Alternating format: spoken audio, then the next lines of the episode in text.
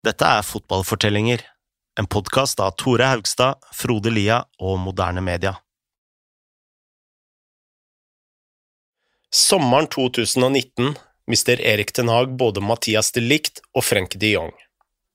De neste månedene sliter mannen fra øst med å holde Ajax oppe på det nivået de viste sesongen før. Men sakte, men sikkert skal Ten Hag bygge opp et nytt storlag.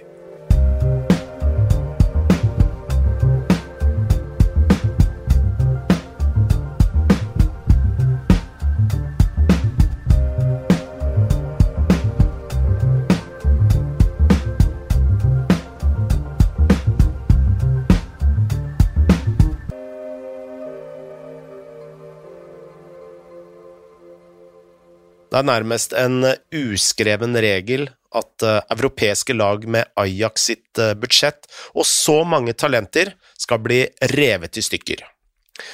Det skjedde med Monaco i 2017, og i 2019 sirkla gribbene rundt Ten Hags mannskap. De Jong dro til Barcelona, og de Ligt stakk til Juventus. Samtidig prøvde van der Sar og Overmars å gi Ten Hag spillere som kunne gjøre smellen litt mindre smertefull. De henter Edson Alvarez, en stopper fra Amerika, som er en klubb i Mexico. Og de slo kloa i Lisandro Martinez, en annen stopper fra argentinske Defensa i Justicia. I tillegg kom angriperen Quincy Promise og den rumenske midtbanespilleren Rasfan Marin. Samtidig var akademiprodukter som høyrebekken Serginio Dest og midtbanespilleren Ryan Gravenberch i ferd med å få kamper for eh, A-laget. Og dette var typisk Ajax, ifølge Paul Thomas Clay. De, de venter ikke på at en sånn årgang som 18-19-laget oppløses, og så begynner det gjenoppbyggingsjobben. Det er en sånn kontinuerlig prosess. Da. De, de har erstattere klare allerede. Det er ikke sånn at de selger en spiller, så ser de hvor mye penger de har, og så kjøper de en ny en for å erstatte den som forsvant. De har allerede erstattere klare. Uh, enten i form av allerede altså en, en, liste av spillere de enten kjøper, eller så har de det allerede i klubben. Så når det forsvinner spillere ut, så er det andre som kan ta over, nesten på direkten. da. Men akkurat den sesongen i 2019-2020 falt laget litt mellom to stoler. Dess og Gravenberg var der, men eh, de var liksom ikke helt modne nok for å levere på samme måte som De Ligt og De Jong hadde gjort.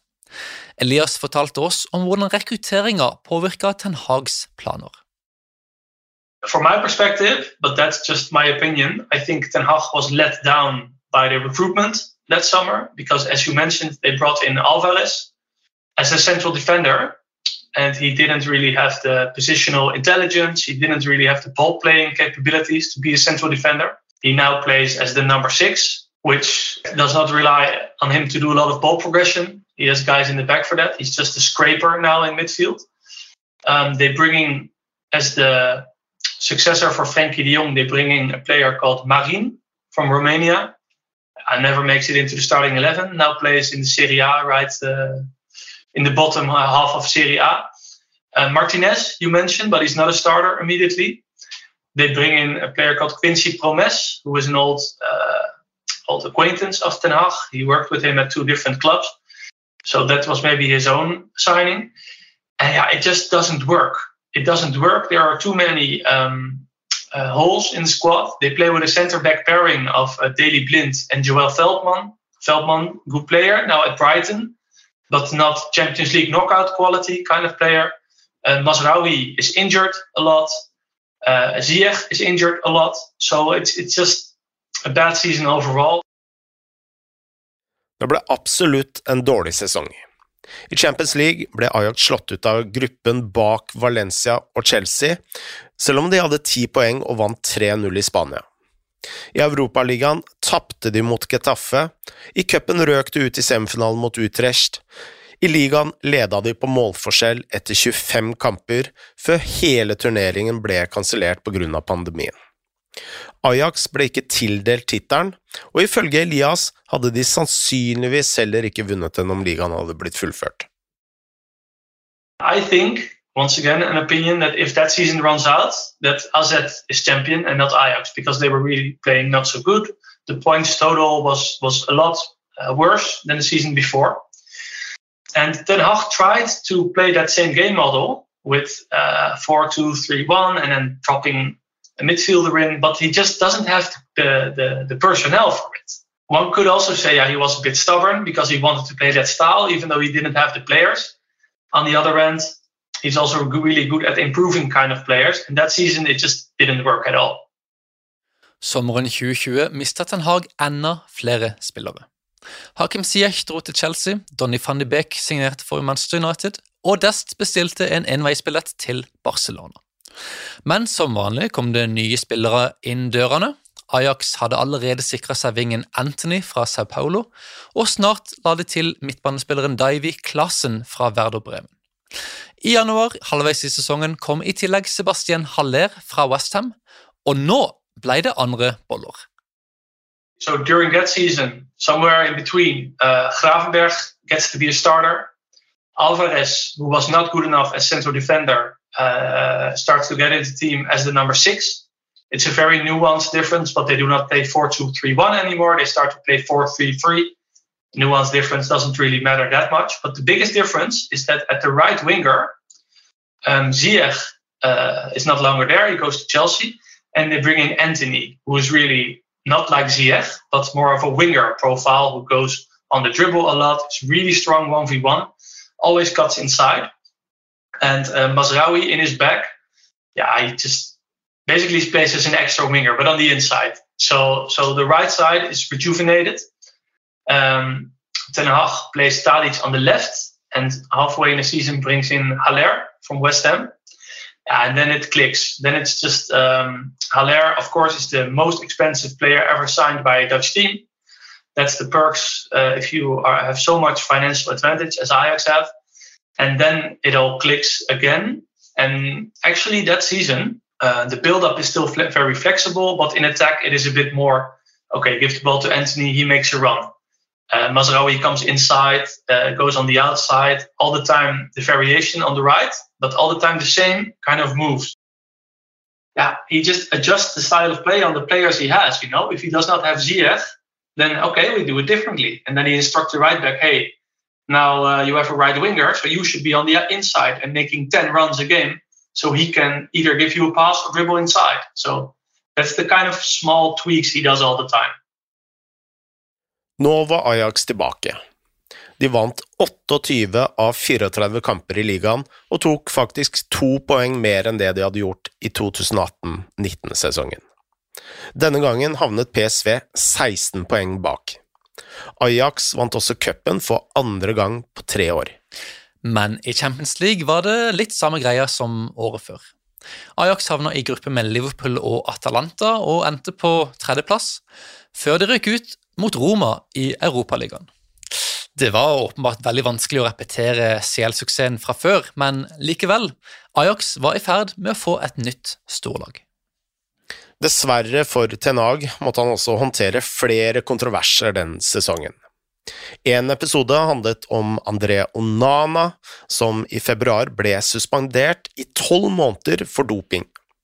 Han eh, sa at han hadde tatt konas medisiner, og fikk senere redusert dommen til ni måneder. Eh, men det var ikke slutten på sagaen. De har hatt en konflikt med André Onana, som har, en, har vært kjempebra for de. Var jo også bra i denne 18-19-sesongen. En, en, spiller de henta fra La Masia, faktisk, som ung, ung gutt, og, og, gjorde han til en, en topp europeisk keeper, egentlig. For ja, det ble snart to år siden, sommeren to år siden, så, så ble han tatt i doping. Eh, eller ja, en sånn type slankepillene til kona-forklaringen, da. Men uh, utstengt, uh, utstengt et års tid. Uh, og når han kom tilbake igjen høsten i fjor, 2021, så, så hadde han jo bare ett år, var inne i siste året av kontrakten sin. De kunne fort ha sparka ham hvis de ville. Altså, det, det er sånn type klausuler, dopingklausuler som står i kontrakter og sånne ting, men de støtta han gjennom prosessen og, og var på hans side sørga for at han fikk en en, en mildere dopingdom enn han kanskje kunne fått. Da. Men, men de støtta han gjennom den perioden der. Og når han kommer tilbake, så nekter han å skrive ny kontrakt. altså han, han, nekter å, å, å liksom på en måte uh, gjengjelde den tilliten som han har blitt vist av klubben. Og det, uh, det faller ikke i god jord hos uh, både administrativt mannskap og sportslig mannskap i, i klubben. Det, det, det, skjønner man jo godt. ikke sant? De har investert masse penger i ham, de har utvikla ham, de har lønna ham, de har gitt ham en arena. Og selv når han går på sånn dopingsmell, så støtter de han i tykt og tynt. Eh, og når det da er tid for å liksom kanskje legge noe igjen i klubben, for det er ikke noe tvil om at han skal videre og liksom, i karrieren sin fra, fra, Ajax, eh, så nekter han å skrive ny kontrakt, så han drar gratis. Og det um, ender jo opp med at de, altså de holder fortsatt liv i Martin Steklenburg, og de henter inn Remco Pasver, som er 36, og, og, og bruker de istedenfor rett og slett. Og det var ikke før nå på vårparten nesten, hvor både Stekenburg og Pasver var skada, at de lot eh, André Onana få spille noen få kamper. Eh, men straks Martin Stekenburg var tilbake, sånn som til cupfinalen nå, så var ikke Onana med i troppen engang. Så nå er han på vei ut av klubben. og Det, det handler om ja, mye, mye en Hag. Da, og, det, og, og, at spillere som setter seg sjøl over klubben, de, de, har ikke noe der å gjøre. Der er jeg knallhard. Og han driter fullstendig i om hvor stort navn du har og hvor stor lønningspose du har og sånne ting. Er, altså, hvis du ikke gjør jobben din, hvis du setter deg sjøl over laget, um, gjør deg sjøl eh, større enn klubben, så, du, så det, ryker du ut. Da får du ikke spille. Onana var ikke det eneste problemet Ten Hag måtte håndtere i februar 2021.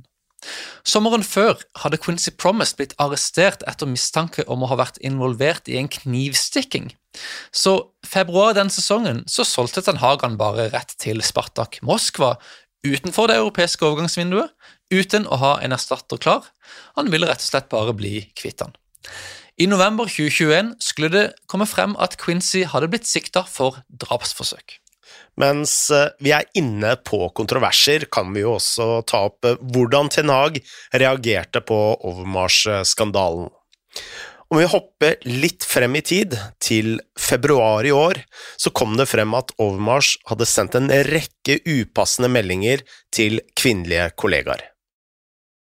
De jo egentlig, har jo vært venner i lang tid, Overmars og Ten Hag det var eh, Olmar som trakk eh, Ten Hag inn i hovedtrenerjobben i, i eh, Go Ahead Eagles i sin tid. De har bevart vennskap og, og ut, faglig utveksling gjennom mange år. og mm, Det var da avgjørende for at, for at Ten Hag kom inn i Ajax igjen. Og de har samarbeida godt i mange år. Men etter at denne hendelsen ble kjent, og folk fikk vite om det, så var Ten Hag klokkeklar på at det der ja, Han prøvde ikke å unnskylde ham på noen måte. Han var eh, sånn kategorisk og klar fra dag én eh, at dette her var helt fullstendig uakseptabelt. og det er, sånne, det er ikke sånne verdier han står for, det er ikke sånne verdier klubben står for. og Det, er det, er, det, er det eneste rette at han forlater den jobben. Og han har vært veldig avgjørende. Han har vært liksom den, eh, altså Overmars har vært veldig avgjørende i den spillelogistikken de siste åra. Like mye som van de Sar og Ten Hag, egentlig. Det er han som har, har vært tettest på scoutingapparatet og rekrutteringen. Uh, du ser alltid når det er signeringer uh, av nye spillere eller nye kontrakter, så er alltid Olmars der. Noen ganger så er uh, van de Sar der også, men det er alltid Olmars. Så, så, han har vært den mest sentrale personen i det. Og det, det, Da skal det jo litt til, eller da prøver man jo kanskje å lete etter utveier som på en måte kan gjøre at han kan fortsette i jobben, men, eh, men for Ten Hag så er det der en sånn det er en sånn der, eh, Da har du gått over den streken, så har du gått over den streken. Og da er han knallhard. Sommeren 2021 fikk Ten Hag endelig beholde sine beste spillere. Han henta i tillegg Feynords kaptein Steven Berghus, og denne sesongen har Ajax blitt enda bedre. Denne gangen har eh, Tadic spilt på venstrekant, mens eh, Haller har eh, dunka inn mål på topp. Antony har spilt på høyre. Bergus har som offensiv midtbane vært litt bak Haller der, mens Alvarez har stort sett vunnet alt av dueller ved siden av Gravenberch. Og bakerst har et nytt akademiprodukt, Jurien Timber, styrt Forsvaret. Ajax har eh, vunnet nok en ligatittel, men det er først og fremst i Champions League de virkelig har vist seg frem. Ajax vant alle sine seks kamper i gruppa og spilte en helt utrolig eh, fotball. De knuste Sporting 5-1 i Lisboa og 4-2 i Amsterdam. De smadra Dortmund 4-0 hjemme og 3-1 borte. Og selv om dette laget kanskje ikke har hatt så mange stjerner som 2018-2019-versjonen, så trodde jo mange at de skulle skrive et nytt eventyr i Europa. Derfor var det overraskende da Ajax røk ut mot Benfica i åttendedelsfinalen. Erik Elias fortalte oss om hva som gikk galt. I think in Lisbon, the first game, they were too open, so they got beat on the transition. Uh, Benfica even made life difficult for Liverpool at times in that tie. I think they were a good side. Uh, it was 2 2 away from home, and then at home, eyes were just a lot better, and they conceded with their first shot from Benfica. Benfica scored with the first shot on target. So that's knockout football. I guess overall they were the better team, but apparently not that good that they could um, that they could prevent an unlucky loss. So I think in the end, um, if you play that tie 10 times, I think they go through like seven or eight times. But this was one of the other ones that got knocked out. På våren ble Ten Hag klar for Manchester United. Siden det har vi hørt mye om hvor flink han er, og taktikken han bruker, og osv., osv., men selv Ten Hag er jo ikke perfekt. I cupfinalen mot PSV klarte f.eks. Ajax å ta ledelsen og likevel tape 2-1. Så vi spurte Paul Thomas følgende spørsmål. Hva er svakhetene til Ten Hag? Det viste seg bl.a. mot Benfica nå i, eh, i Champions League. Eh, og det viste seg litt i cupfinalen mot PSV.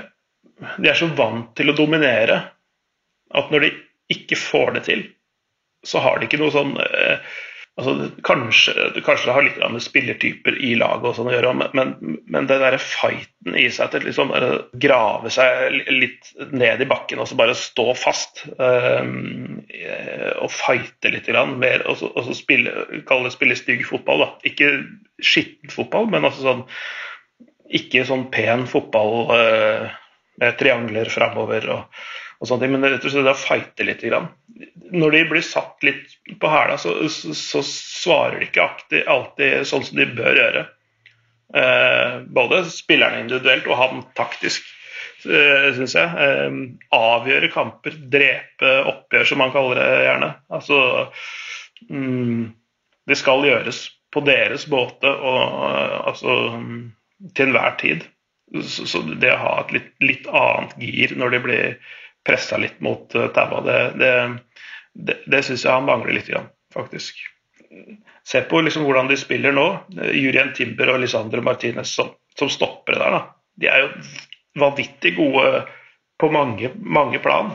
Igangsetting og altså, teknisk kvalitet som går utapå de aller fleste midtstoppere. Men de er jo først og fremst et offensivt våpen, nesten, men et defensivt våpen. Hadde, hadde de ikke hatt Edson Alvarez foran der for å skjerme de litt og ta, liksom de litt, eh, ta noen av, av i lufta, f.eks., så hadde de vært helt, helt kjørt. Fordi er, altså det er snitthøyde på 1,80 tror jeg, på Timber og Lisandro Martinez. Forsvaret deres har liksom vært basert på at de har ballen sjøl. og når motstanderen ikke har ballen, så kan ikke de skåre det er litt, litt den filosofien de har jobba etter. Så stilte vi samme spørsmål til Elias. Very stubborn. So um, maybe that's a good trait for a top top coach. I don't know, but he just decides on the match plan, and that's the match plan. So the players have to execute it well. And if if the team then loses, it's because the players um, didn't stand in the position correctly, they didn't prevent the counters the right way, you know, stuff like that. If he likes players, he really, really, really likes players. Um, gives them tons of chances and and and uh, trust, which is a good thing thing for players, of course. But I, I'd say he's he's he's maybe a bit too stubborn. So he really believes in his own ideas, which is yeah, maybe what do I know? Maybe that's better. This was not the case at Utrecht, but at Ajax, um, at times, his teams have been too offensive. Surely, they just play with so many players ahead of the ball, and He thinks he can because he has Timber, he has Martinez at the back, and in the Eredivisie it surely can. In Europe, I'm not sure. Then again, I would be shocked if he plays as offensive at Menu as he plays now at Ajax, but we have to see that in the future. Disse svakhetene til tross var Elias klar på at Ten Hags positive kvaliteter veier langt tyngre enn de negative. Men nå som Ten Hag forlater Amsterdam, hvordan vil han bli huska i Ajax? Yeah, as, as the best coach of the 21st century, as a, as a perfectionist, as a guy that always gave it all, as a very big personality in his own way. And yeah, he's not, he will, he will never be uh, loved like Cruyff or Michels or, or even Van Gaal, but in his own way, like a really, maybe he's one tier below those three guys, I think. Ten Hag forlater altså Nederland med høy status. Han har levert tre ligatitler på tre fulle sesonger. Han har vunnet to cuper, og han har trollbundet nøytrale fans i Champions League. Og han har gjort det hele ved å være sta, prinsippfast og overbevist om at han vet best. Kun tiden vil vise hvordan det går i United, men én ting er helt sikkert. Erik Ten Hag vil alltid være sin egen herre.